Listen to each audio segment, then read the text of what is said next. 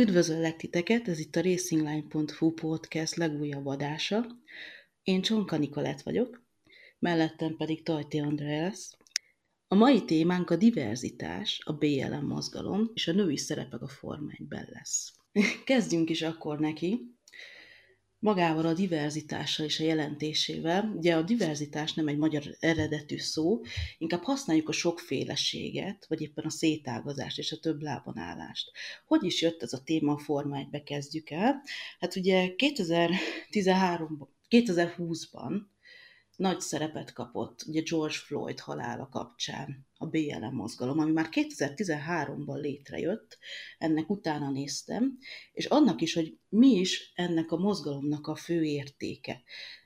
Ők azt mondják, ugye amerikai mozgalomról beszélünk, hogy mindenki megérdemli a jogszerű rendőri ellátást, még akkor is, hogyha kimutatható a bűncselekmény esetén az érintettsége, továbbá ugye az afroamerikaiak rabszolgasságáért szeretnének jóvátételt kapni. Ugye a nemzetközi hangsúlyt, ahogy már említettem, ez tavaly kapott. Ugye tavaly minden volt, azért ezt mondjuk el, koronavírustól elkezdve. Úgy volt semmi, hogy közben volt minden.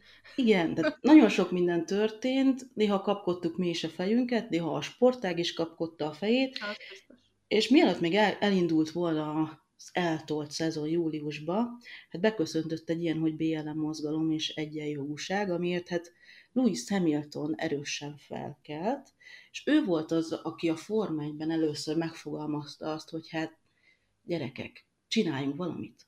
Jól mondom-e? Abszolút, igen, így van. Én személy szerint ezzel az egész úgy vagyok, hogy az alapállítással teljes mértékben egyetértek. Az is érthető, hogy Louis ebbe teljes válszélességgel beleállt, hiszen a Form 1 mezőnyből ki, ha nem ő, viszont azt gondolom, hogy a végére azért ez egy kicsit átesett a ló túloldalára. Nem a feltétlenül a tartalmával van a baj, hanem az előadás módjával, véleményem szerint. Igen, de többen is megjegyezték, Louis Hamilton kapcsán, hogy kicsit túlságosan a politikai aktivitás felé irányult a figyelme tavaly, és nem feltétlenül a versenyzés felé. Tehát Christian Alberts, ugye ő holland ex-versenyző, azt azért hangsúlyozok ki, mert sokan említettétek a kommentekben, hogy nem igazán tudjátok, hogy ki ő, tehát ő a Form 1-ben szerepelt. Ő mondta azt, hogy ez nagyon a visszájára fordulhat. Ugye Hamilton nem csak a a rasszizmus ellen szólal fel manapság, ugye hirdeti a veganizmust, hirdeti a bolygónk megmentését, a környezetvédelmet, és Albertnek volt egy ilyen mondata, hogy oké, okay, de ez a Forma 1 egy kicsit visszás. Tehát, hogyha te magángéppel repülsz, nyilván tudom, tehát ezt kihangsúlyozom, eladta magángépét, ezt ő elmondta, de ugyanakkor repül. És ugye ez, ez valamennyire visszafelesülhet el. Az, hogy ő ennyire kiáll valami mellett, ugyanakkor az ellenkezőjét kell csinálnia. Tehát Hamiltonon néha az a probléma véleményem szerint, hogy jó, amit mond, ne értsük félre. Tehát valóban oda kell figyelni a bolygónk vélelmére, oda kell figyelni arra, hogy manapság 2020-ban, 21-ben nem már a rasszizmusról legyen a téma, mert valóban ne tartsunk itt. De ugyanakkor, ahogy ő ezt előadja sokszor, és ahogy ő ezt elmondja, nagyon sok embernek így furcsa.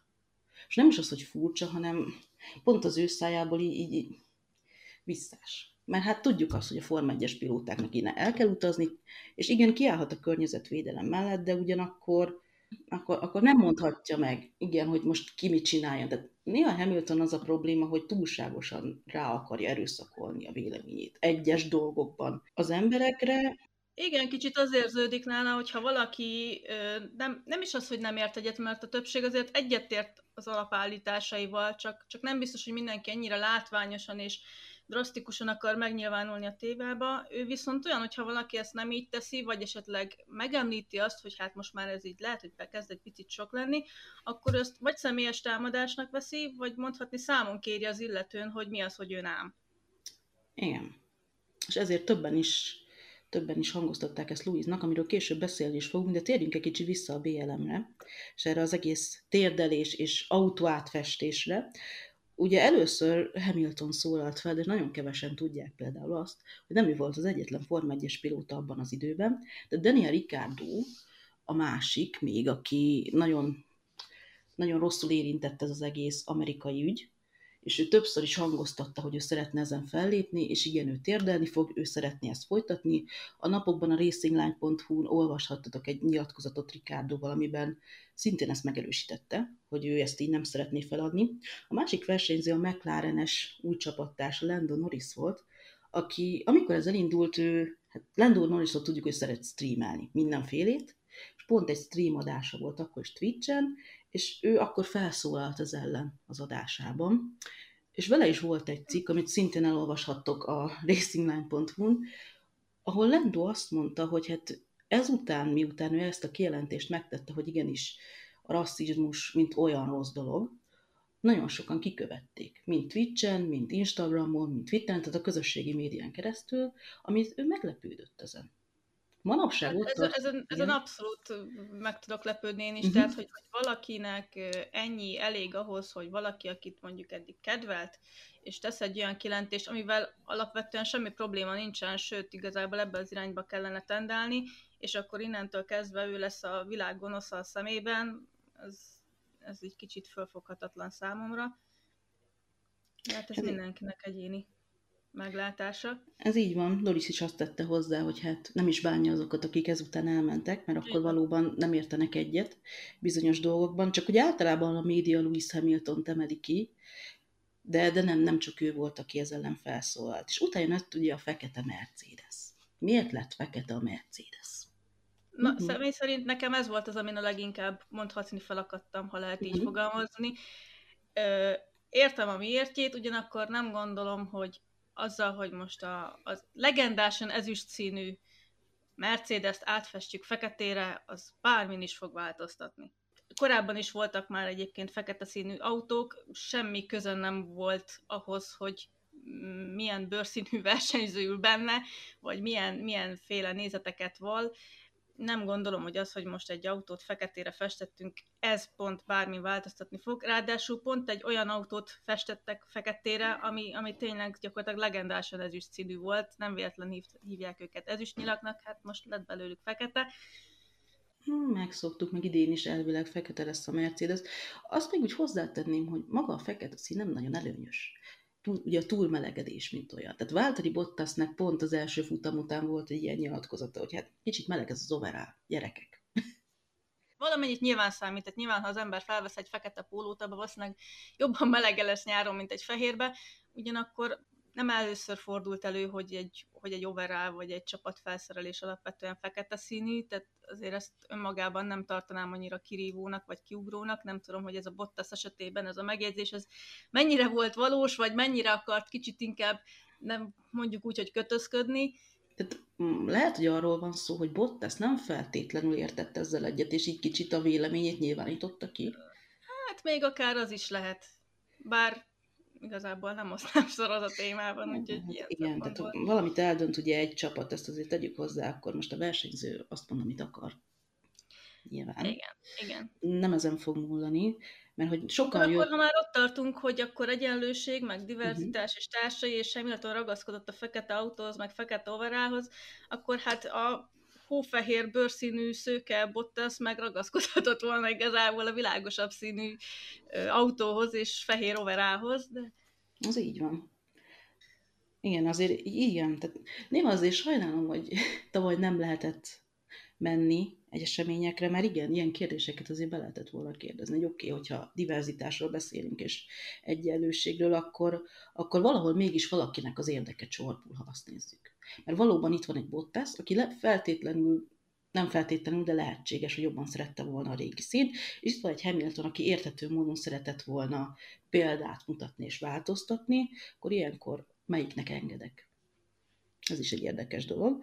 Hát mondjuk a Mercedes házatáján azért mostanában ez nem nagyon kérdés, hogy melyik versenyzőnek van nagyobb szava. igen, igen. Hát mert figyelj, hát még a szerződésük nincs. Hát igen, ehhez képest Louis Hamilton az, akinek most a felvételünk időpontjában még nincsen szerződése. Ez így van. Vélhetően lesz. Meglepődnék, hogyha nem. Hát nem tudom elképzelni. Tehát azt, azt azért az, az nagyon nagy dolog lenne, hogy Louis Hamilton most azt mondja, hogy oké, okay, nekem megvan a hetedik cím, és akkor én most elmegyek, tök más csinálni, nem. Nyilvánvalóan van hát x dolog... Egy nyolcadikat még biztosan be akar húzni. Persze. Tehát van x dolog, ami, ami nem tudnak megegyezni, ezen megy a vita, valószínűleg megfognak. Tehát Eddie Jordan mondta azt, hogy hát szerint ő februárban nem hinné, hogy még ezzel lesz a vita, hát Eddie 30-a van, egy napod van.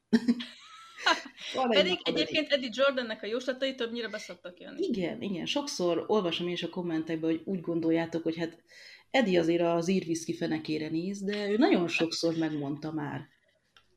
Megmondta már, igen, hogy neki lesz. nagyon jó tippjei szoktak adni. Vagy nagyon jó informátorai vannak. É, igen, azt hangoztatta is, hogy hát ő még azért ott van a tűz közelébe is, tud egy-két dolgot, és ne higgyük már azt, hogy ő csak így a levegőbe beszél.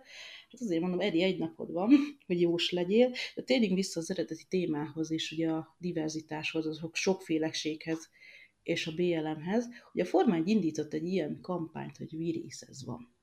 Fölkerült ez mindenhova, a safety caron keresztül, a halo át, vagy bocsánat, Gloria, az overálok, és történt -e ezen kívül valami? Azon kívül, hogy láttuk azt, hogy virészez van, és tényleg minden felületen ezt hangoztatták, de én úgy gondolom, hogy ezen kívül igen, egyébként így beszéltek így különféle programokról, most hirtelen meg nem mondom, milyen névre keresztelték, de, de azon kívül, hogy gyakorlatilag ilyen nagy vonalakban előadták, hogy miről szól ez a téma, igazából konkrét célt vagy konkrét tervet nem fogalmaztak meg igazából, hogy mit szeretnének tenni. Nyilván arra akar ez az egész utalni, hogy tényleg, hogy ne külsőségek és szín és rassz és nem és stb. alapján ítéljünk meg embereket, jelen esetben versenyzőket, vagy csapattagokat, vagy bárkit, aki az autósportban dolgozik. De hát most igen, ez is furcsa dolog, hogy most attól, hogy felfestettünk mindenhova egy szivárványt, hogy ez változtat-e bármin, nem tudom. Főleg, hogy sajnos eljutottunk arra a szintre, hogy ha valaki valahova szivárványt rajzol, vagy felvesz egy szivárvány mintájú pólót, akkor, akkor rögtön gyakorlatilag támadást tárgya lesz, holott egy ártalmatlan természeti jelenségről beszélünk gyakorlatilag, tehát, és, és mégis lett egy olyan utálat körülötte, hogy... Igen, az a probléma ez az egésszel, így ámblok, hogy az emberek többsége ezt feketén vagy fehérre látja. Most a bőrszintől tekintve. Igazából ez az egész dolog, én úgy gondolom, hogy szürke, és több mint 50 árnyalatú. Igen, tehát nem, nem feltétlenül ennyire, ennyire kis sarkítani kéne egy-egy dolgot. Pontosan, ahogy mondtad a szivárványal kapcsolatban is. Viszont nem tudom, én az F1 részéről egy kicsit több mindent vártam erről. Hogy oké, okay, fölfessük pontosan a dolgokat, de így ennyi.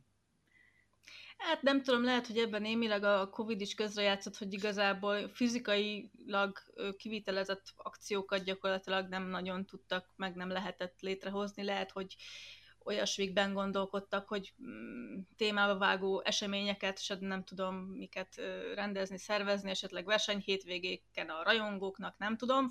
Nyilván a, a Covid némileg megkötötte a kezeket, és gyakorlatilag csak ö, ilyen szavakban és online lehet kommunikálni a dolgokat.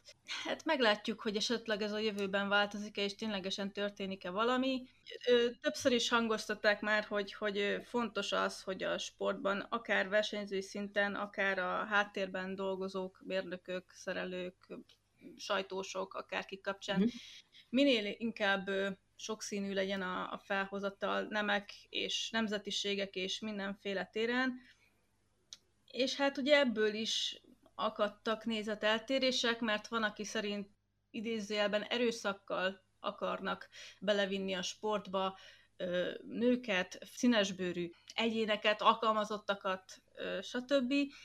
De én egyébként személy szerint nem érzem azt, hogy, ez, hogy ebből túlságosan kevés lenne, vagy hogy, vagy hogy azért lenne kevés, mert, mert ki vannak nézve, vagy, vagy üldözve vannak gyakorlatilag ezek a társadalmi csoportok. Tehát szerintem abszolút azon áll, vagy bukik az egész, hogy valaki érte ahhoz az adott feladatkörhöz, vagy sem, és nem gondolom, hogy a Form 1 bármilyen ö, szakmában az alapján küldenének el valakit, vagy, vagy néznének ki, mert, mert nő, vagy mert színesbőrű, vagy mert ázsiai, vagy mert akármilyen vallású. Ez így van, viszont én egy dolgot azért most, ha már erre kanyarodtunk, a Form 1 számlájára írnék, mégpedig az a túlságosan brit központuság. Tehát azért ezt, ezt valljuk be, hogy a Forma 1 akik dolgoznak, és most itt a csapatok, FI és a többi, 80% a brit. Hát, vagy olasz, vagy francia. Vagy olasz, de a legtöbb az brit. És most hát, talán mondhatjuk. Gondolkozunk el azon, hogy igen, tehát maga a mérnöki fronton, ugye ott, ott, ott azért a tudás áramlik, és ott tényleg jöhetsz bárhonnan és akkor, ha te nagyon sikeres és ügyes mérnök vagy, akkor igen, fel fognak venni. Viszont a PR, a kommunikáció, marketing terén nagyon sok a brit. És tegyük fel, ha most valaki közép-kelet-európából szeretne erre a pályára lépni a Forma 1-be, akkor, akkor neki, mintha én úgy gondolom, hogy kicsit kevesebb az esélye.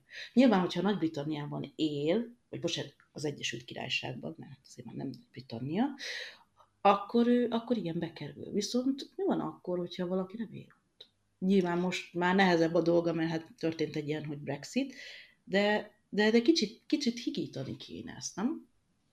Szerintem ennek elsősorban nyelvi okai lehetnek. Tehát evidens, hogy, hogy Forma 1-es belkekben ugye az angol a közös nyelv, amit, amit mindenki beszél, a sajtósok, a versenyzők, egy, egy közös pontnak lenni kell ahhoz, hogy, hogy megértsék egymást nyilvánvaló, hogy aki anyanyelvi szinten beszéli az angolt, az nyilvánvalóan, ö, hogy is mondjam, jobban megfelel ezeknek a standardeknek. Kelet-európai akármennyire is jól beszél angolul, nyilván nem ugyanolyan lesz, mint, mint egy anyanyelvi angol. Habár én személy szerint hozzátenném, hogy nem, nem anyanyelvi angolnak szerintem sokkal érthetőbb az, aki szintén nem anyanyelvi angolt beszél, tehát néha annyira hadarnak és annyira úgy fogalmaznak meg dolgokat, hogy igazából a haja még ne mire kibogozom, hogy mit akart mondani, de ez az én személyes problémám. E, nem, de én is így vagyok ezzel, főleg egy-két versenyzővel. Külföldiként sokkal érthetőbb a szintén külföldinek az angolja. De nyilván ők valószínűleg nem feltétlenül ezt veszik figyelembe, vagy nem, nem ez a fő szempont. Nyilvánvalóan, főleg most, hogyha visszatérünk arra, hogy innen mi, hogy, hogy érjük ezt meg, hogyha anyanyelvivel és nem anyanyelvivel beszélünk. Nem tudom, nekem az angol, a brit angola nincs problémám, de bevallom őszintén, amikor Daniel Ricardo néha egy ausztrál kifejezést így beszúr a mondandójába, így pislogok. Igen, neki azért hát még megvan ez, ez az ausztrál vonal, és néha így telepislogok, hogy oké, okay, nem értelek. Mindegy, ez csak ilyen zárójeles téma, de tegyünk vissza Louis Hamiltonra, és az ő nagy politikai szerepvállalására tavaly. Ugye Hamiltonnak volt egy ilyen esete, hogy több esete is volt, hogy de Helmut Márkóval is összeveszett idézőjelesen. Ugye Louis Hamilton az Instagram oldalára nagyon szeret sok mindent kitenni, és sokféle véleményt formálni, viszont ebben az esetben ugye egy álhír kapcsán oltotta le Helmut Márkót, ugyanis az egyik külföldi lap, most nem nevezzük nevén, mert legyünk olyan kedvesek velük, bár ők effektíve direkt másították meg Helmut Márkó nyilatkozatát. Ugye azt mondta Helmut Márkó, hogy szerinte, nyilván ebből nem lett semmi tavaly, hogy Max Verstappen teljesebb versenyző lesz, és jobban oda fog tudni figyelni a versenyzésre, így meg is nyerheti a, az első osztrák nagydíjat, mivel ő nem foglalkozik mással, mint Louis Hamilton. Louis Hamilton ezért kikelt magából, és hát azt írta, hogy őt nagyon elszomorítja, hogy a feketék és a színes bőrűeket érintő probléma az ilyen, ilyen más dolog minősül Helmut Márkónak, ugyanis ezt nagyon fontosnak tartja, hogy ezért küzdjünk. Igen, ám csak mint kiderült, hogy ez egy német nyelvű interjú volt, az er, német RTL által készített, hanganyag volt hozzá, képanyag volt hozzá, de ez félre lett fordítva. És hát Hamilton ilyenkor igen, elgondolkodott, hogy van egy hoppá, jött a Red Bulltól is jött a helyes bit is, hogy ilyen nem hangzott el, a német RTL is teljesen korrekten megmondta, hogy nem, nem erről van szó, és hát Louis Hamiltonnak megint le kellett valamit szedni az Instagram oldaláról, és ez nem az első eset. Hát a másik pedig az, hogy még hogyha ténylegesen így hangzott is volna el, hogy, hogy Márkó ezt így mondta volna, nem gondolom, hogy igazából ebben bármi kivetni való van, mindenkinek szíve joga, hogy miért, milyen módon és formában, és legfőképpen mikor áll ki. Most, ha, ha Max Verstappen egy olyan versenyző, aki, aki százszerzalékosan a versenyzésre szeret koncentrálni, és nem külső ö, dolgokon járatni a, a, az agyát, az abban szerintem önmagában semmi kivetni való nincsen. Ezzel nem azt mondta, nem feltétlenül azt üzente volna Márkó, hogy, hogy amit Hamilton csinál, az rossz, hiszen láthatjuk az eredményein is, hogy ennek ellenére is tud koncentrálni a feladatára, tehát nem vetette ez vissza semmilyen formában. Az, hogy valaki jelen esetben Verstappen ezt másképp csinálja, igazából szerintem abban sincsen semmi kivetni való. Ez így van. Csak hát igen, Hamilton azért sok emberbe beleveszett. Ugye volt neki egy csörtéje gyakorlatilag, hát Bernie Ecclestonnal és Jackie stewart is egyébként. Ugyebár Eccleston tett egy olyan kijelentést, még így a, a szezon elején, mikor ez a Hamilton féle megmozdulás így, kirobbant, hogy Eccleston azt találta mondani, hogy pedig hát a feketék gyakorlatilag rasszistábbak, mint a fehérek. Ami nyilván ki véve a szövegkörnyezetből, és nem, nem kell feltétlenül szó szerint érteni, hanem kicsit árnyaltabb ez a téma. Ugyanakkor ez is csak azt mutatja, hogy egyébként Hamilton sokszor úgy reagál rá egyes nyilatkozatokra vagy cikkekre, hogy mint az átlag kommentelő egyébként, hogy nem olvassa el csak a címet, és arra reagál, és nem, nem, nem látja az egész képet egybe. Ugye itt volt egy, egy pár ilyen sajton keresztüli szóváltásuk, és utána Teklasson azt mondta, hogy hát őt egyébként igazából nagyon nem érdekli, hogy kinek milyen a bőrszíne, tehát ő nem ez alapján ítél, ő nem ezt akarta mondani, és ott hangsúlyozta, hogy egyébként ő volt az első, aki Forma 1-es versenyautóba ültetett színesbőrű versenyzőt egyébként, bár végül nem lett belőle Forma 1-es versenyző, Willy T. Rips volt egyébként, akit még a Brebenbe beültetettek Leston egy tesztre, és állítólag csak azért nem kapott végül versenyzői ülést, mert, mert a szponzorok olasz versenyzőt szerettek volna a csapatba. És ő maga is nyilatkozta egyébként, hogy semmiféle rossz érzése nincsenek Leston irányába, tehát itt is egy kicsit ki lett forgatva és ki lett sarkítva. Meg hát Jackie Stewart is azt hangoztatta, hogy, hogy a Forma 1 gyakorlatilag nincs, nincs jelen úgy a rasszizmus, hogy az ellen ennyire küzdeni kellene, mert soha nem volt jellemző igazából az, hogy bárkit is ö, kinéztek volna a bőrszíne vagy nemzetisége alapján. És hát erre meg Hamilton ugye azt találta válaszolni, hogy, hogy gyakorlatilag azt mondta, hogy hát Stuartnak a életkorából fakadóan ő biztosan azért látja ilyen maradi módon ezt a dolgot, de, de itt megint tehát relatíve ártatlan megnyilvánulásokban látott talán Hamilton többet, mint kellett volna. Igen, pont a Forma 1 az ugye, ahol 20-20x versenyző van, és itt nagyon sokféle nemzetiségből láthattunk már például. Magyar is volt, azt említettük, de ott van a távol-kelet is megjelent, Afrik, dél-afrikai versenyző is volt, ugye, tehát az argentinok, a hispán eredetűek ott vannak, az európaiak ott vannak. Tehát pont a Forma 1 az tényleg az a kör, környezet, ahol ez, ez nem jellemző. Mert ha valóban most lesarkítva Hamilton állításait, akkor csak európai lenne, csak ilyen lenne, csak olyan lenne, pedig nem erről van szó. Ilyen. Igen, ugyanakkor Igen. hát ő, ő maga az élő bizonyíték rá egyébként, hogy, hogy, hogy ebből nem volt soha probléma egyébként a Form 1 ő is itt van, ráadásul most már hétszeres bajnokként. Nem, nem gondolom, hogy egy rasszista világban ez, egy rasszista környezetben ez neki így sikerülhetett volna, de sikerült, tehát nem gondolom, hogy, hogy a bőrszíne miatt bárki is visszatartotta volna. Igen, bár ő nagyon sokszor hangoztatja azt, hogy őt gyerekkorában mennyi sérelem ért a világban, hogy ő volt egy időszínes bőrű. Igen, nyilván gyerekként, meg, meg ugye pláne régebben talán, vagy nem is tudom, lehet, hogy ez jellemzőbb volt, de ez meg egy olyan dolog, hogy egy gyerekkorban meg szerintem mindenki tér valamiféle támadás, úgymond, vagy azért, mert nem tudom, szemüveges, vagy mert nagy a füle, görbe az orra, nem tudom, tehát most az, hogy nála éppen a bőrszíne volt az, ami kicsit látványos volt, úgymond, de meg a gyerekek túlságosan őszinték. Ez néha jó, néha rossz, de gyerekkor... Igen, ugye... ugyanakkor azt tudjuk hozzá, hogy legtöbb esetben azért ez egy ilyen otthonról hozott dolog. E, igen.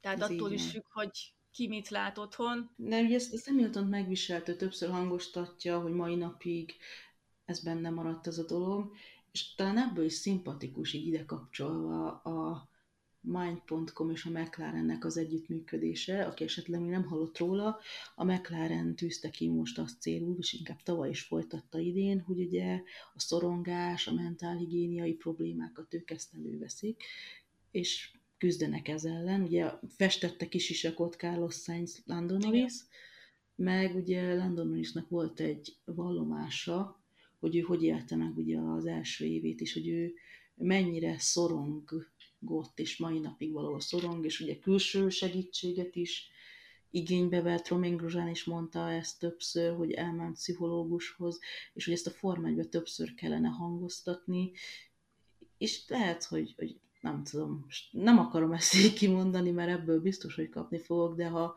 Louis Hamilton azt érzi, hogy valahol nem tudja feldolgozni azokat a sérelmeket, amiket értik, lehet, hogy akkor neki is kéne segítség. Hú, ezért mit fog kapni? Lehetséges, de, de ez, nem, ez nem kell negatívumként érzékelni. Nyilván mindenkinek vannak olyan dolgai, amit adott esetben még tudat alatt is lehet, hogy ő maga sincs vele tisztában, hogy az neki problémát okoz, pedig de.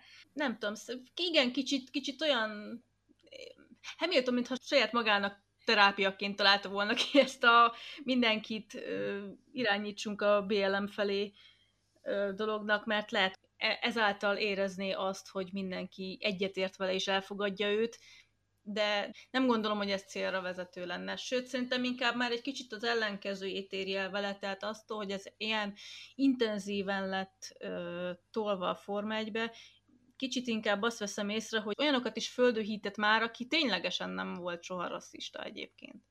Igen. Tehát nem, nem feltétlen az arról van szó, hogy akkor most már pedig az, hanem az, hogy az, a, az ellene folyó harc gyakorlatilag túl erőszakossá kezd válni. Igen, Hamilton ezt egy kicsit túltolta ezt a témát a Forma 1-ben, afelől, hogy igaza van, hogy valóban ezt meg kell szüntetni, ő, ő túlvitte talán ezt. Tehát átesett a ló másik oldalára, ami sok embernek ez negatívként jött le, és nem feltétlenül érte el azt, amit szeretett volna ezzel, sőt az ellenkezőjét váltotta ki vele. Nem tudom, én kíváncsi vagyok azért, hogy 2021-ben lesz a térdelés, vagy lesz a BLM, lesz a póló, van valami, ezt, ezt hogy látod? Lesz? Nem lesz? Hát lehet, hogy lesz, bár egyébként sok értelmét nem látom. Tehát ha arra próbálunk, abba az irányba próbálunk menni, hogy tényleg mindenkit fogadjunk el a saját külsejével, nézeteivel és minden egyéb dolgával együtt olyannak, amilyen, akkor pont, hogy nem azt kellene tenni, hogy akkor tényleg mindenkire ráerőszakolunk valamit, hogy ezt kell tenni. Ha Hamilton szeretne térdelni, meg szeretné felvenni a, a pólóit, akkor vegye fel és térdeljen, nincsen azzal semmi probléma. De ugyanúgy fogadjuk el azt is, hogyha valaki ezt másként ö, próbálja meg. Nem feltétlenül attól fog valami működni, vagy attól lesz jó, hogy azt nagyon a kirakatba teszi valaki. Sőt, ugye minden Sőt, jobban reklámozza, annál ellenszörvesebb. Igen, vele kapcsolatban nagyon sok ilyen téma előkerül, pont azért, mert néha túlságosan kifele éli az életét, viszont vannak olyan témák, amiben inkább nem beszél, és talán kellene. Valahogy az egyensúly talán még nem feltétlenül úgy találta meg, ahogy az jó legyen, néha kicsit túltol dolgokat, néha amiket kellene, azt nem feltétlenül, de hát ő már csak ilyen. Nincsen ezzel probléma, csak tényleg mindenkit ez a élni és élni hagyni dolognak kellene inkább érvényesülnie, tehát senkit nem kinézni vagy megszólni azért, mert, mert nem értünk vele egyet, ne bum. Mi térjünk egy kicsit vissza a térdelésre, ugye nagyon nagy sajtó felhát. Sajtó ugye felkapta, nagyon sokan ellene voltatok, nagyon sokan mellette voltatok, hogy térdeljen a mezőny, és állítólag ugye mindenki ezt Lewis Hamilton neve mellé párosította, de Hamilton elmondta, hogy ez Sebastian Fette és Romain Grosjean ötlete volt, még pedig a GPD ülésén hozták ezt fel, hogy hát legyen egy ilyen térdelés.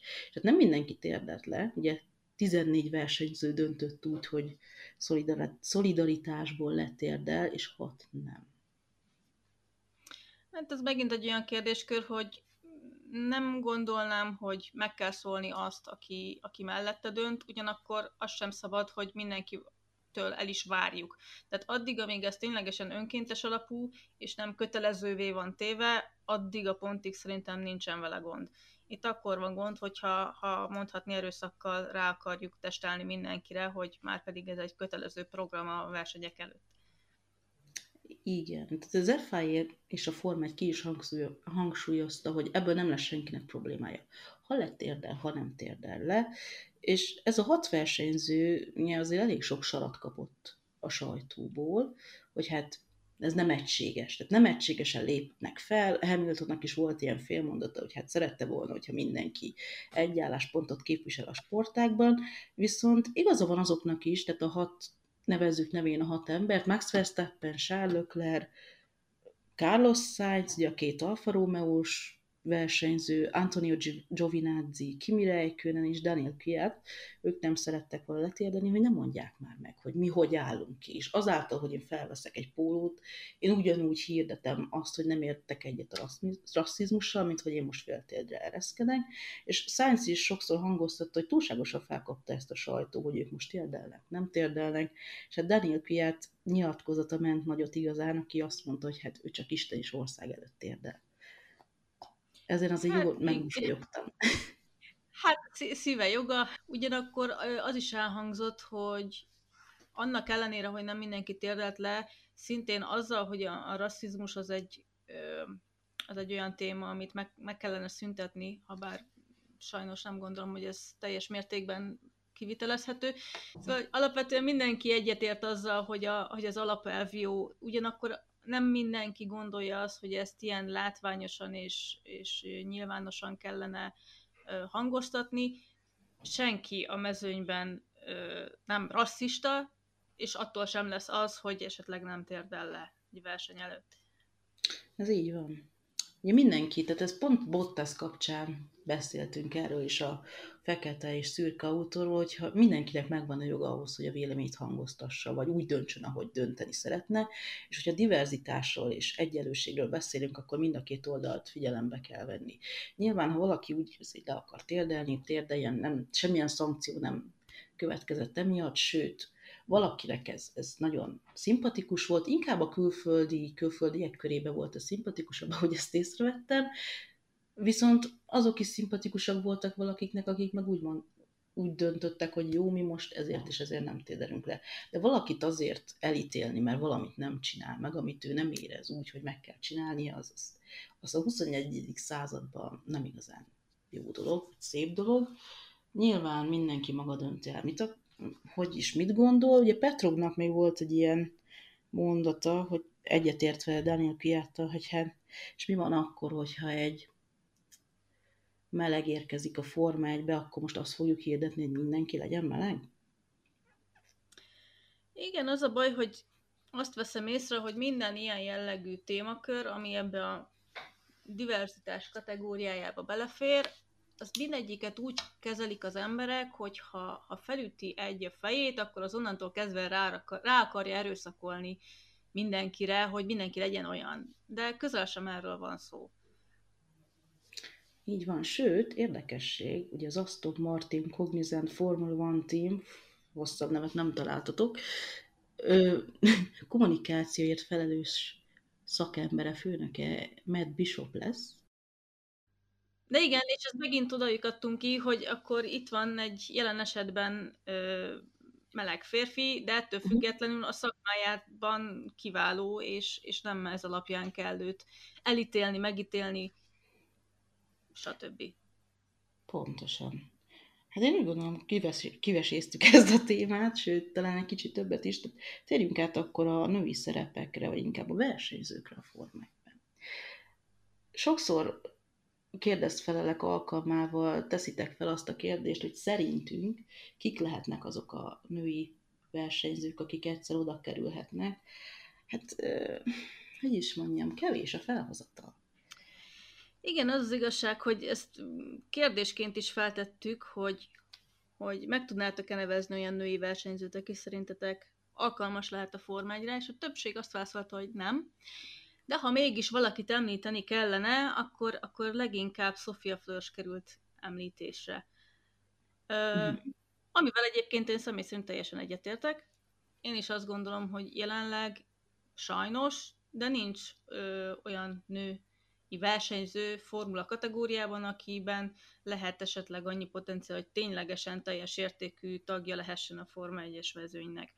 ugye többség azt is válaszolta, amivel szintén egyetértek, hogy szeretnék, hogyha lenne női versenyző a mezőnyben, de csak abban az esetben, hogyha ezt nem pusztán a, a nemével érdemelte ki, és nem csak azért tennék be a mezőnybe, hogy elmondhassuk, hogy van egy nő is, hanem azért, mert ténylegesen alkalmas a feladatra. Na most Sofia Flörs esetében én is azt gondolom, hogy abszolút ő a legrátermettebb talán, ugyanakkor vegyük azt is figyelembe, hogy tavaly a Formula 3-as mezőnyben versenyzett, és annak ellenére, hogy őt tartjuk mondhatni a legjobbnak, még így sem sikerült felmutatható eredményt produkálnia. Most akkor csúnyán fogalmazva, mit várjunk a többiektől. Egyébként Bernie Eccleston már korábban is szeretett volna női versenyzőt a mezőnybe, állítólag Danika Petriket meg is környékezte ezzel kapcsolatban, de, de ő valamiért visszautasította, hogy aztán ez azért, mert szimplán nem szimpatizált az európai sorozattal amerikaiként, vagy, vagy azért, mert volt esetleg annyi önkritikája, hogy úgy gondolta, hogy nem tudna olyan mértékben helytállni a mezőnyben, hogy az számára ne legyen kellemetlen, ezt nem tudjuk pontosan, minden esetre ő visszautasította a lehetőséget.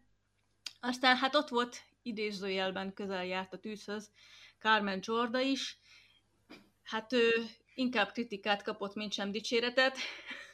ő, ő is GP3-ból keveredett oda, hogy a, az akkori Lotusnak volt talán fejlesztő versenyző titulust kapott, ha nem tévedek.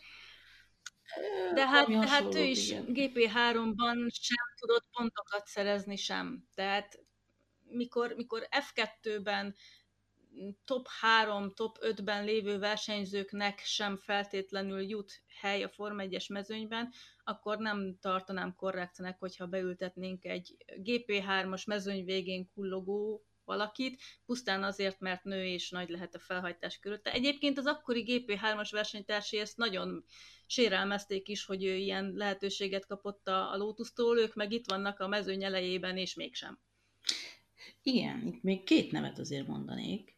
Így F2-ből például ott van Tatjana Calderon, aki hát nem egészen, mondhatni fiatal, de hogyha azt nézzük, hogy, hogy a Forma 2-ben hány éves srácok ülnek, azért, azért már nem olyan fiatal. És ugye ő most az, az Alfa Romeo tesztpilótája. Hát, de hát igen. Igen, kicsit hasonló helyzetbe keveredett ilyen szempontból, mint, mint Kármán, annyi különbséggel, hogy ő nem, hogy is mondjam, nem a, a külsejéből próbál előnyt, előnyt ö, generálni magának, de ettől függetlenül kicsit hasonló a helyzet abban a tekintetben, hogy junior szériákban is olyan elképesztően kiemelkedőt nem tudott alkotni, hogy egyértelműen az alapján mondhassuk azt, hogy igen, ő megérdemli, hogy F1-es lehetőséget kapjon. Igen, a 2019-es szezonban 22 lett a Forma 2-ben. Tatjana hát, Calderon. Igen, tehát igen. Plusz itt van még Jamie Chadwick, ugye ő megnyerte a V-Series-t, és ő most a Williams fejlesztő pilótája. Ő neki mennyi? Mennyi esélye lett, szerinted? Hát, ez egy jó kérdés, már csak azért is, mert a V-Series most azzal hang, reklámozza úgymond magát, hogy a, a bajnok az kap F1-es teszt lehetőséget, ha nem tévedek. Mondjuk tisztázzuk is, hogy mi ez a V-Series pontosan, mert nem biztos, hogy mindenki képben van. Ez egy 2019-ben létrejött bajnokság, Formula Autós bajnokság, kifejezetten női versenyzők számára. Az első évadot, tehát 19-ben igen, Chadwick meg is nyerte, de sok kritika éri a, a bajnokságot, és több női versenyző is felszólalt ellene, mondván, ha azra dolgozunk, hogy, hogy itt diverzitás, meg egyenlőség és a többi legyen, akkor pont nem azt kellene tenni, hogy egy különálló sorozatot rendezünk nőknek, hanem pont, hogy a, a férfiak mezőnyébe kellene bevegyülni a, a női versenyzőknek is, és gyakorlatilag ez lenne az, ahol tényleg látható lenne az, hogy ki mire képes, nem pedig egy ö, külön, különálló szériában. És igazából, aki a, a V-Series mellett van, az gyakorlatilag pont az ellenkezőjét vallja, mint a, nagyjából, mint az FIA-nak a Women in Motorsport kampánya, vagy a Suzy Wolf által létrehozott Dare to be Different. Tehát a kettő nagyjából pont ellentéte egymásnak. És hát egyébként pont ezen elv miatt nincsen, nem szerepel például a V-Series-ben például a már említett Sofia Förs sem, vagy Tatjana Calderon és, és társai. Tehát igen, Chadwick meg. Egyébként Chadwick mellett szó, hogy ő egyébként korábban nyert MRF Challenge-et talán, ha nem tévedek. Tehát ő benne tényleg látok még némi rátermettséget, de nem vagyok benne biztos, hogy ez elég lehet egy Forma 1-hez, és az pedig, hogy megnyerte a V-Series-t, az, az szerintem még így önmagában kevés. Ja, a V-Series most idén valamennyi Forma 1-es futamnak a betét futam lesz, ha jól tudom. Így van. Nem tudom, nekem az a véleményem a V-Series-ről, hogy ha most tényleg azt szeretnénk, hogy női versenyző legyen a Forma 1 akkor miért csinálunk neki külön kategóriát? Igen, akkor pont nem igen, én is ezen a véleményen vagyok, tehát hogyha azt akarjuk, hogy egy nő tényleg úgy kerüljön be a Forma 1 hogy, hogy ne azok a vádak érjék, hogy csak a külseje miatt, meg csak azért, mert valakivel jóba van, stb. stb., akkor ténylegesen az kellene, hogy kijárja ugyanazt a, a ranglétrát, amit a, amit a fiú vagy férfi versenyzők gyakorlatilag. Tehát igen, az F3-as, F2-es, stb. létrát kellene megmásznia úgy, hogy nem az utolsó helyeken kullog, hanem hát nem is tudom, hát legalább top 10-be. Ez így van. Illene lenni, és akkor azt lehetne mondani, hogy ténylegesen az eredményei alapján alkalmas a feladatra. Igen, ahogy említetted, Eccleston is szeretett volna, ugye női versenyzőt, és most Stefano Domenicali, Chase most éppen ki van, most már Domenikáli, ők is szeretnének. Tehát azt azért hangsúlyozok ki, hogy ennek hatalmas marketing értéke van. Tehát rengeteg cég jönne a Forma 1-be, rengeteg befektető, talán nem, nem biztos, hogy jó hatása lenne például arra a női versenyzőre ez a figyelem, ami érné, de, de ők nagyon szeretnének. De ha valaki nem, ha valaki nem éri el azt a mércét csúnyán fogalmazva, akkor, akkor nem fognak csak azért valakit betenni nőként, hogy me legyen. Tehát azért itt mindig pontokra megyünk, mindig győzelmekre megyünk a Forma 1-be, és nem, nem arra, hogy fű, de jó reklámérték. Tehát ezt, ezt, ezt, ezt azért hozzá kell tenni. Nyilván a V-Series ez annyira ilyen visszás dolog megint, mert valóban, ha női versenyzőt szeretnénk a Forma 1-be, akkor minek csinálunk külön kategóriát, ugyanakkor fel lehet tenni azt a kérdést, hogy a nőknek miért nincs. Például ugye a kosárlabdát például fölhozva, ugye ott van női szakák van, férfi szakák, ugyanúgy a fociba, de a, de a motorsportban nincs. Tehát ott vagy a férfiakkal mennek a nők. Igen, tehát igazából el kellene dönteni, hogy vagy egyik, vagy másik, tehát vagy, vagy, vagy döntsünk akkor úgy, hogy igen, akkor ez egy koedukált ö, sport gyakorlatilag, és akkor felejtsük el a v szintű ö, külön nemre lebontott ö, szériákat, hanem akkor tényleg mindenki ugyanazt a, ugyanazokat a lépcsőfokokat lépje meg, nemtől függetlenül. Ha pedig, ha pedig oda jutunk, hogy de hát akkor így soha nem, fog, nem lesz nő a Forma 1 és akkor kellene gyakorlatilag egy női Forma 1 csinálni, akkor viszont akkor megcsináljunk egy külön női Forma 1 de, de akkor meg ne keverjük össze a kettőt semmilyen formában. Tehát ugyanúgy, ahogy más sportágokban is vannak olyan sportágok, ahol teljesen egyenrangú félként versenyeznek a nők a férfiakkal, például, például diugratásban, úgy meg más sportokban meg soha nem ö, keveredik a két nem, hanem van külön női és férfi. Ez így van. Feltörekvő tehetségként ugye a Ferrari akadémiájába bekerült most Maja Vőg, 16 éves holland leányzó. Ő mennyire, mennyire kerülhet ebbe bele? Ha nem tévedek, ő még gokart változásnál Igen. jár. Nyilván az lesz a kérdés, hogy ha átkerül majd F4-be, F3-ba, ak- akkor mit, mit tud produkálni. Nyilván a Ferrari támogatás az egyfajta előny lehet, de hát láttunk már példát arra is, hogy kikerül valaki a Ferrari támogatottak közül, még akár egy Alézi névvel is. És mit szóljon akkor a Red Bull támogatott, ugye? Hát igen. Igen, ott, ott igen. igen. Tehát ugye hát Forma 1 nem csak női versenyzőként lehet részt venni, vagyis hát most már nem lehet úgy részt venni, ami a következő témánk lesz. Hát voltak olyanok, hogy grid curl de hát most már nincsenek. Igen, hát ezt aztán tényleg sokan sérelmezték, leginkább a férfiak, de talán állíthatjuk, hogy a nők is. Ugye az, hogy, hogy a Form 1-es versenyautók körül, a rajtrácson, a vendégek körül, stb. nők sertepertélnek mondjuk úgy, az, az gyakorlatilag mindig is a Forma egy része volt, és igazából hozzátartozott ehhez a csillogó luxus világhoz. Ugye azzal, azzal érveltek, hogy, hogy, ez, hogy ez milyen degradáló egy nő számára, hogy egy táblával vagy egy esernyővel ott átsorog a versenyző előtt. Én ezt nem gondolom, hogy ez olyan mérhetetlenül probléma lenne. Egyrészt senkire nem osztották ki szerintem kötelezően ezt a feladatot, hanem mindenki maga döntött úgy, hogy ő szeretne ilyen jellegű munkát végezni. Másrészt most már még az utóbbi időben már még csak azt se lehetett mondani, hogy, hogy esetleg olyan ruhákba öltöztették volna őket, ami némileg közönségesnek mondható. Az utóbbi időben kifejezetten jó ruhákat kaptak szerintem a lányok, akár a magyar nagydíjon is, az osztrákon is általában népviseletbe öltöztek. Szerintem én nőként nem látok benne igazából semmi kivetnivalót, mindenkinek szíve joga, hogy, hogy ő elvállal egy ilyet, vagy nem, nyilván nem való mindenkinek, de ezt meg döntse el az illető, tehát most ha valaki ezt degradálónak tartja, akkor nyilván nem vállalja el ilyen egyszerű véleményem szerint. Ugye hát volt ebből is probléma, hogy állítólag az új Libertis főnöknek a felesége volt állítólag az, akinek hát ez így nem tetszett, hogy ez a saját hiúságából adódott hogy esetleg saját magát nem tartotta olyan csinosnak, mint a Grid girl ezt nem tudom, de, de nem gondolom, hogy ez megint egy olyan húzás lett volna, ami bármi változtat, vagy akár... Igen. De azért a Forma 1 nagyobb problémák is vannak, hogy most a lányok tartják el táblát, vagy sem.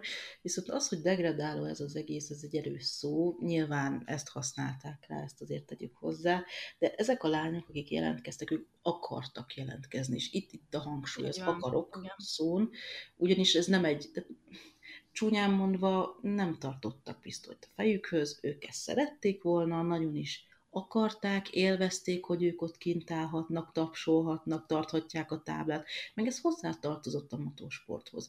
Tehát az a probléma ezekkel a dolgokkal, hogy értem én, hogy feminizmus, értem én, hogy MeToo, és ezeknek a mozgalmaknak van is létjogosultsága, csak néha át. És ez az, az egy olyan eset, igen, hogy kicsit így, így, ez olyan, mint az ideák igen, az, hogy annyira sarkosan gondolkodunk, hogy vagy egyik, vagy másik, és ilyen köztes, kellemes megoldás Ez sosem. így van. Tehát ugye pont a versenyzők mondták azt, hogy hát amikor ők felkészülnek, és ott vannak a rajtrácson, nem feltétlenül a grid körlöket nézik. Tehát valaki észre se vette őket, például. Hát, nyilván, Jó, hát igen, nem Jos Verstappen, de hát ez egy másik történet.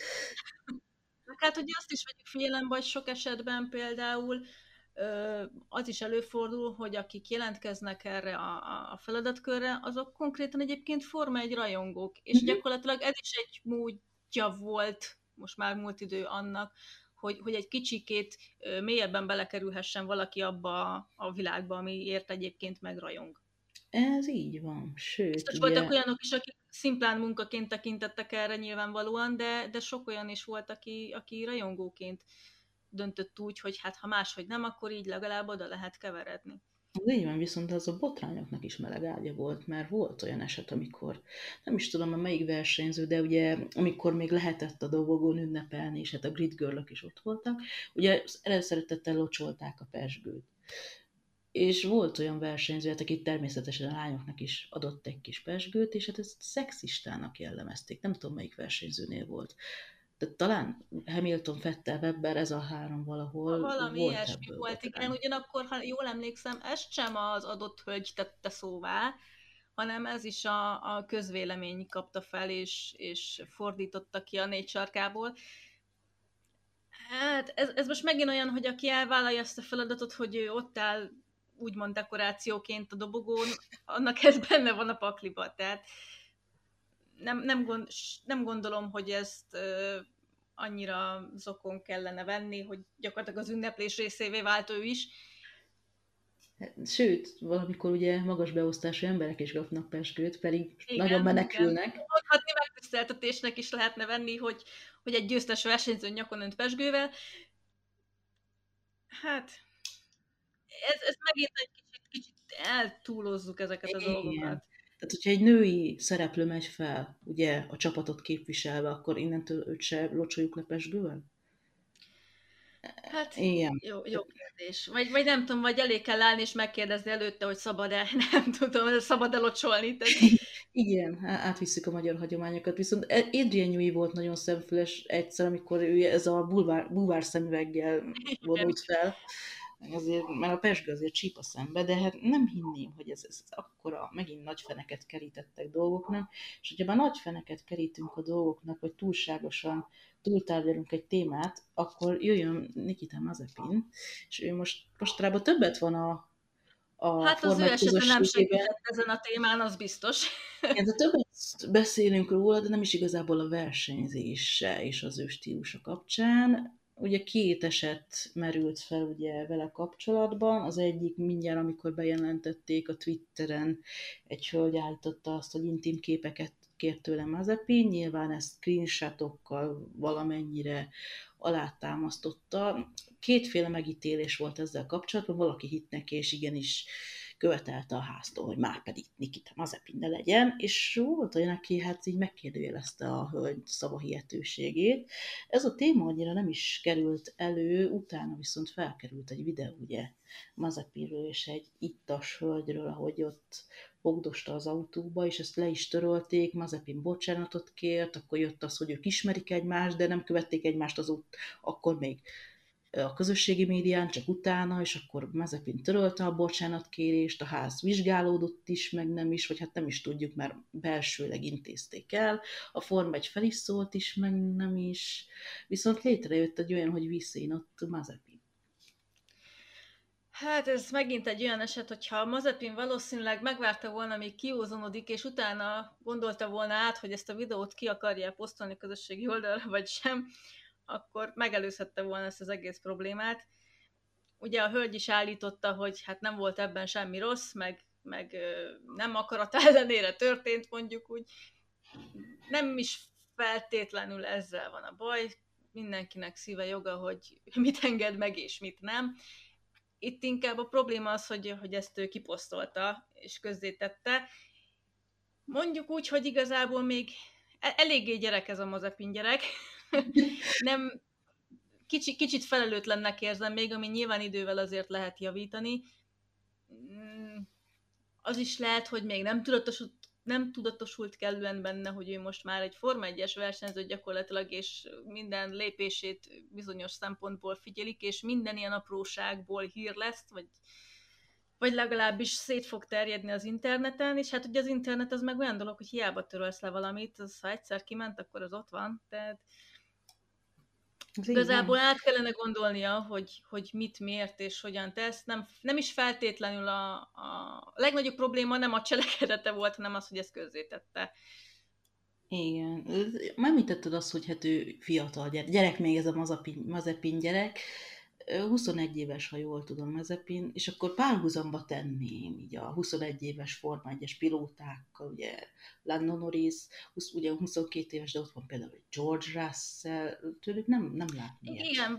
valahogy ők annak ellenére, hogy ugyanaz a korosztály, ők valahogy érettebben viselkednek, vagy legalábbis nem mutatják meg azt az oldalukat nyilvánosan, amelyik kevésbé érett.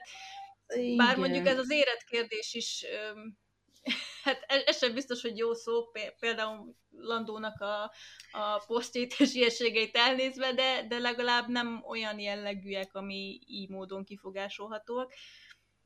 Igen, ugye pont a, Lendó... Mazepint inkább meggondolatlannak tartom. Igen, pont Lendó Norris beszélt erről, hogy hát ő nagyon visszavett tavaly és idén is visszafog, mert hát őt azzal vádolták meg, hát ő nem veszi komolyan a munkáját, mert viccel. Ugyanakkor Lendó Norris most kap rendesen a brit médiába a dubai kirándulása miatt, el is tűnt azóta. Nagyon-nagyon elővették, ugye, mert ő elment Dubajba, és hát elkapta a koronavírust. Elővették Charles Leclerc is, tegyük hozzá de, de Lendo azért a brit médiában most kap. azért ő is, hát, ő is kap ezért. Igen, ez a pop szakma szokták volt mondani. É, igen. De nyilván, aki, aki a Forma 1-es verseny, jó, nyilván elsősorban sportolók, nem pedig celebek, de, de bizonyos szempontból mégis úgy vannak kezelve, tehát pláne a közösségi oldalaknak köszönhetően tényleg anélkül is tudhatjuk a versenyzőknek a, a minden lépését jóformán, hogy, hogy ténylegesen valaki a nyomukba menne egy fényképezőgéppel. de hát ezt meg némileg saját maguk gerjesztik, hiszen ő maguk posztolják ki, hogy éppen hol vannak, vagy mit csinálnak. Most ez olyan dolog, hogyha nem akarod, hogy kiderüljön, akkor ne posztold ki. Tehát igazából ennyire egyszerű.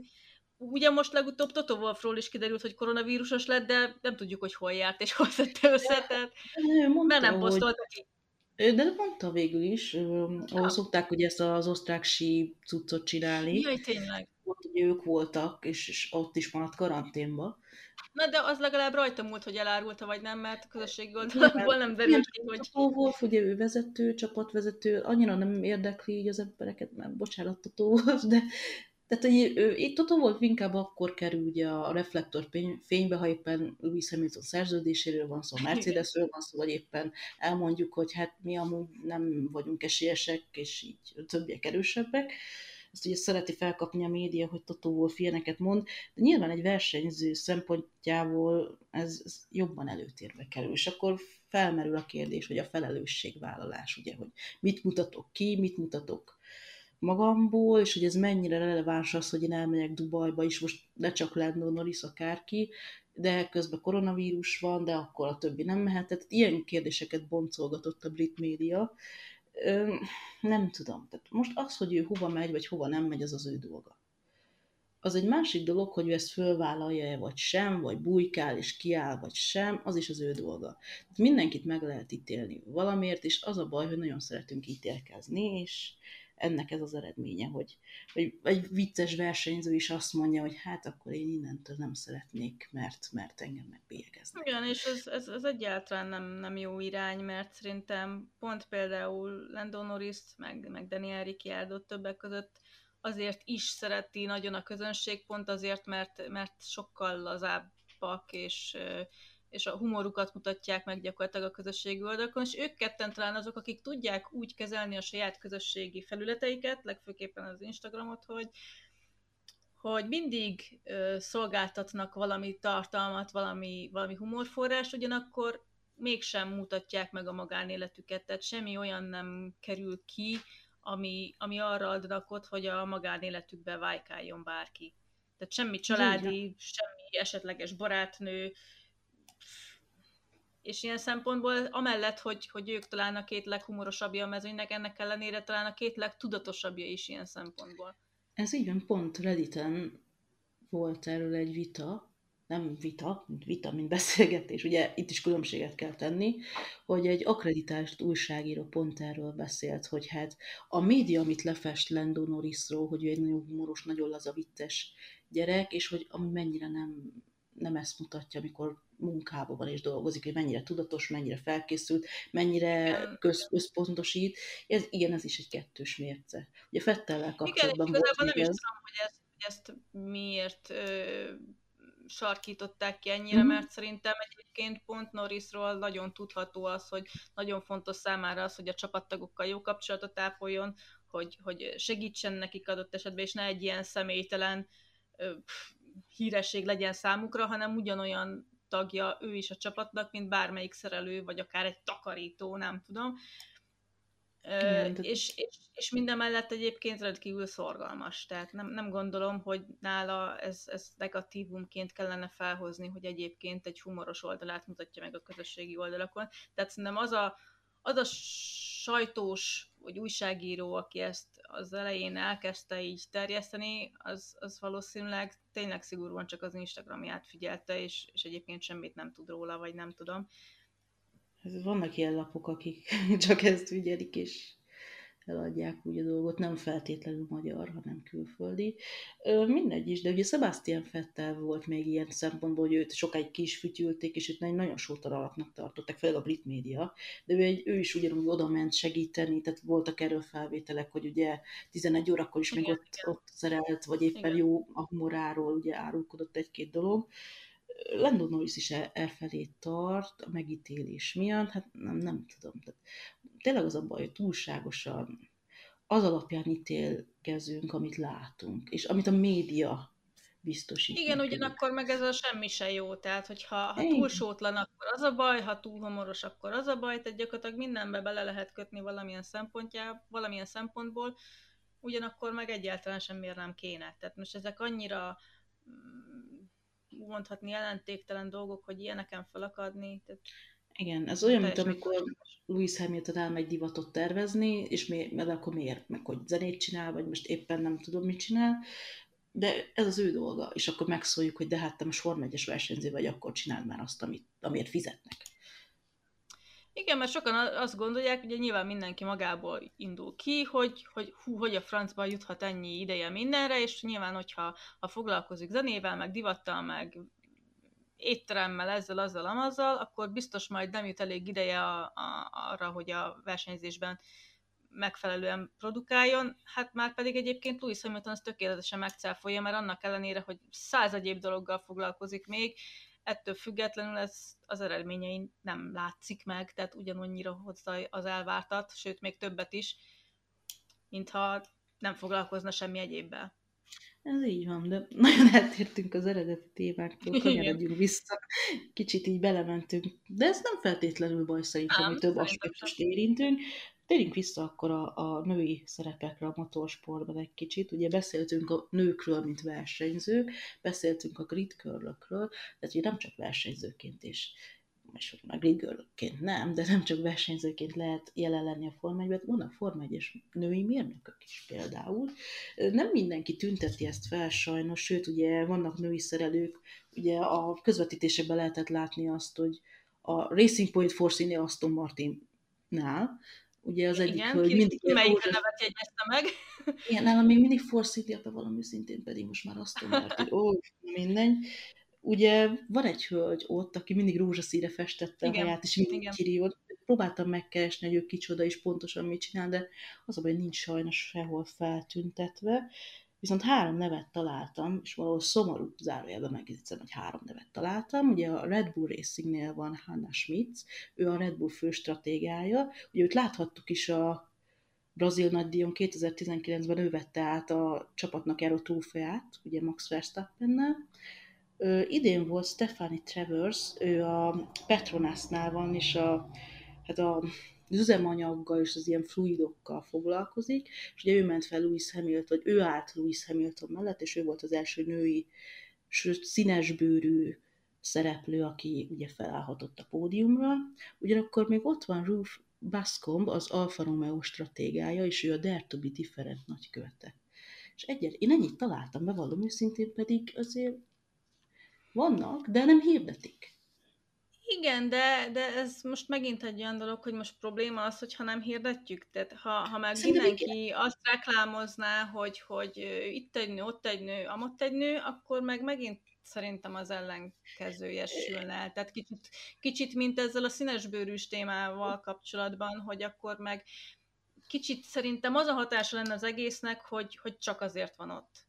Pedig egyébként nem, és pont azzal, hogy nincsen ő kiemelve, szerintem pont azzal erősítik meg azt, hogy ő nem azért van ott, mert, mert fel kell mutatni egy nőt is úgymond a csapatban, hanem azért, mert ő a szakmai tudásával azt kiérdemelte, hogy ebben a pozícióban dolgozhasson.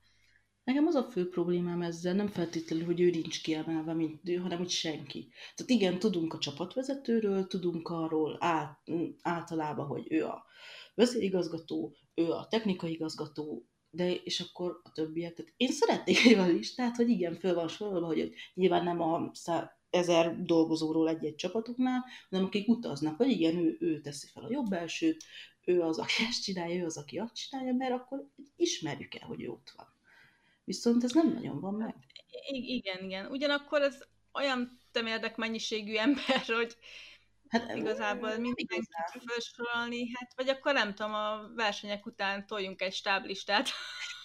nem, a, a, a, a, a, a, a, a, a, én a honlapon gondoltam, hogy tüntessük fel, ugye azt feltüntetjük tím alapján, hogy igen, Andreas Zeidl, Toto Wolf, Christian Horner, de akkor legyen az, hogy igen, Kis Pista szereli a, a jobb elsőt hát, fel. Ez, ez szerintem azért sem jellemző, mert bármilyen egyéb cégnél is gyakorlatilag csak a vezetőséget szokták feltüntetni.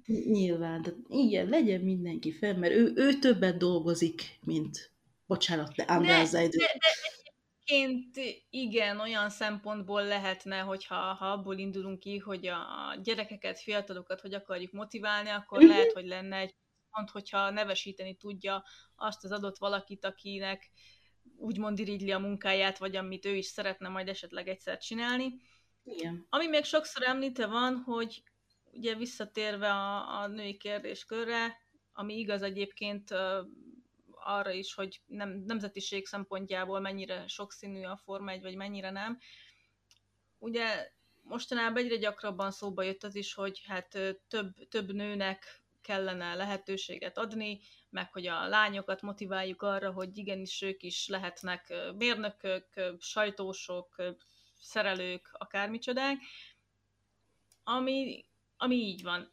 Ugyanakkor én nem gondolnám azt, hogy a Forma 1-ben túlságosan kevés lenne a nő, sőt szerintem ahhoz képest relatíve sok is. Már nem úgy értem a sokat, hogy, hogy fölöslegesen sok, hanem nem, nem érzem azt, hogy, hogy szándékosan lenne kevés. Tehát úgy gondolom, hogy ha valaki alkalmas az adott feladatra, akkor az ott van, tehát akkor az megtalálja a, a módját annak, hogy, hogy adott pozíciókba kerüljön. Értelemszerűen a, a mérnöki és technikai vonalon talán kevesebb van ebből, de, de például sajtós oldalon, meg a vendéglátóegységekben és egyéb háttérmunkákban szerintem kifejezetten sok nő van egyébként a Forma 1 sajtómunkatársai között kifejezetten, sőt, tévéképernyőre szinte minden csatorna egyébként női riportert állít a kamera elé, vagy női riportert is. Szerintem talán nincs is olyan nem is tudom, tévécsatorna, aki, aki nem szokott soha női riportert odaállítani. Riportra mit értünk? Aki a helyszínen van, vagy csak aki beül a, a közvetítő stúdióba beszélni? Hát most, ha, ha, ha a magyar közvetítés is figyelembe akarom venni, akkor beleszámítom azt is, aki ott ül a stúdióba. Igen de, de nem gondolom azt, hogy ez szándékosan lennének kiszorítva. És mondom, szerintem pont a, a tévés részlegen pedig kifejezetten sok nő van, de, de újságírók között is sok nő van egyébként szerintem. Én ezt úgy érzem, hogy inkább külföldön trendez, hogy igen, például ott vagy Natalie Pinkham, ugye, akit ismerhetünk. Ugyanakkor mm, Magyarországon meg nem is feltétlenül tudnék megnevezni bárkit, aki egyébként jó lenne arra, hogy TV képernyőn riporterként Forma egyet ről nyilatkozzon bármit.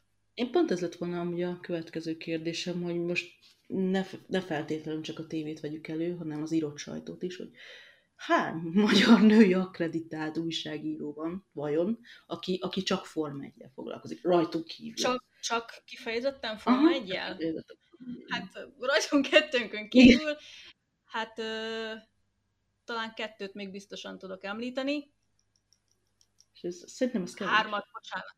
Hármat, négyet, kevés. Nem, De nem sok, igen. Igen, igen nem sok. Magyarországon Ö... akkor öten vagyunk az írott sajtóból magyarul.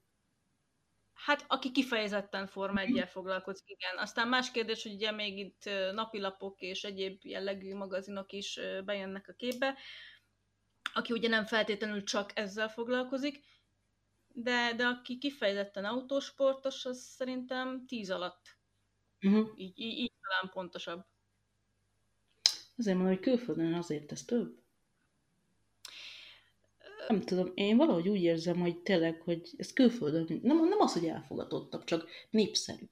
Nem is az, hogy népszerűben nagyon sok olyan lányt ismerek, aki szeretne a formányban valamilyen szinten dolgozni, de... Igen, ugyanakkor nem megfordíthatjuk olyan szempontból is a dolgot, hogy Magyarország azért e-, eléggé kis ország, tehát most nyilván egy, mit tudom én, mondjuk itt Németországban, ott, ott jobban elfér több ö, autosportos újságíró, és nyilván a több fő, nagyobb merítésből valószínűleg több lesz nyilván benne a nő is. Ez így van. Hát úgy gondolom, hogy kiveséztünk nagyjából minden olyan témát, amit itt összeírtunk magunknak, úgyhogy ezzel a podcast epizódunknak a végére is értünk. Kövessetek minket az összes létező közösségi platformon, amin megtaláltok minket, és találkozunk jövő héten nagyjából ugyanekkor. Sziasztok! Sziasztok!